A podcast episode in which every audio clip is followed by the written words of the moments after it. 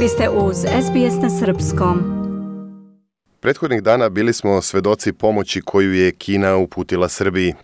Ne samo zaštitna i medicinska oprema, već i grupa kineskih stručnjaka stigli su u Beograd i rade sa domaćim lekarima i virusolozima na suzbijanju epidemije COVID-19. Solidarnost između dva naroda pokazala se na delu i u Australiji. O čemu se radi reći će nam Slobodan Benđo, psiholog iz Melburna. Slobodane, dobar dan. Dobar dan. Kakav vid pomoći je srpska zajednica dobila od kineskih prijatelja? Pa sinoć kasno, negde posle 9 sati, ja sam dobio poziv od eh, predsjednice Kineske federacije ovde u Australiji, gospođa Yun Si Su me nazvala i prijatno me iznenadila, rekla je mi imamo pomoć, naša zajednica želi da pomogne srpskoj zajednici ovde u Australiji, daćemo vam iljadu maski, zaštitni maski koje su sada jako potrebne jer ne mogu nigde da se kupe. U samoj prodaji na, na tržištu, znači u apotekama jedna maska čak ide i do 8 dolara, toliko je to skupo i teško je doći do njih. Ja se zaista prijatno iznenadio. Znamo da Kina pomaže e, našim ljudima u otačbini, ali evo izgleda da se da se ta država brine i o našoj dijaspori.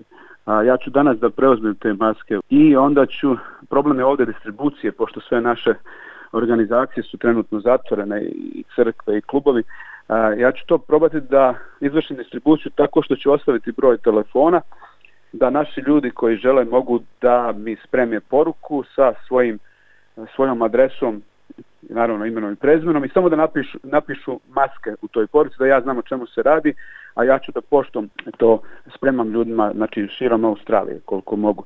A, sada u prvoj a, ovoj rundi, da kažemo, kinezi su rekli da će nam dati iljadu maski, a kasnije možda još, jer i njima je teško da dođu do ti maski, teško je zbog transporta iz Kine.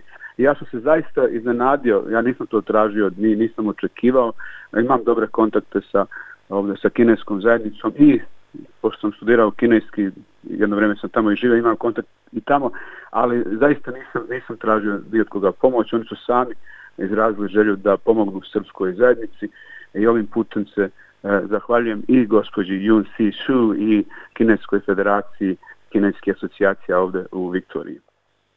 Za kraj Slobodane, e, zamolit ću vas e, da još jednom ponovite kako ljudi kojima su potrebne zaštitne maske mogu da vam se jave i kako će da. ih dobiti. E, govorimo naravno o ovoj pomoći koja je stigla od kineske zajednice u Australiji. Da, mogu da se jave na moj telefon, ja ću da izipirati 0402 288 259. I ja bih zamolio sve ljude koji žele da, da im dostavi maske, da, da mi se jave porukom, da ne zovu na telefon, pošto ja ne mogu da odgovorim na toliki broj poziva. Dakle, samo da napišu poruku, da napišu uh, maske, da znamo o čemu se radi, ime i prezime i adresu. Ja ću gledati to u toku ove sedmice da im to dostavim poštom. To je jedini način, jer ja ću sada te maske da preuzmem od Kineza, uh, donjeću i moju kliniku. Takođe oni koji su u gradu, u Melbourneu, mogu da dođu na adresi 430 Little Collins Street, mogu i tu da preuzmu maske, a ja ću gledati da, da izvršim distribuciju ravnomjerno, znači da pošaljem, sad zavisi koliko mogu da stavim u te koverte, možda po desetak maski, ali bitno je da mi napišu adresu, ime i prezime i samo da naznače se radi o maskama. Ja ću ponovo ponoviti broj telefona 0402 288 259. Slobodane, puno vam hvala na izdvojenom vremenu i još više vam hvala na humanosti i solidarnosti koju pokazujete u ovim teškim trenucima. Hvala i vama i veliki pozdrav za sve slušalce SBS programa na srpskom jeziku. Želite da čujete još priča poput ove? Slušajte nas na Apple Podcast, Google Podcast, Spotify ili odakle god slušate podcast.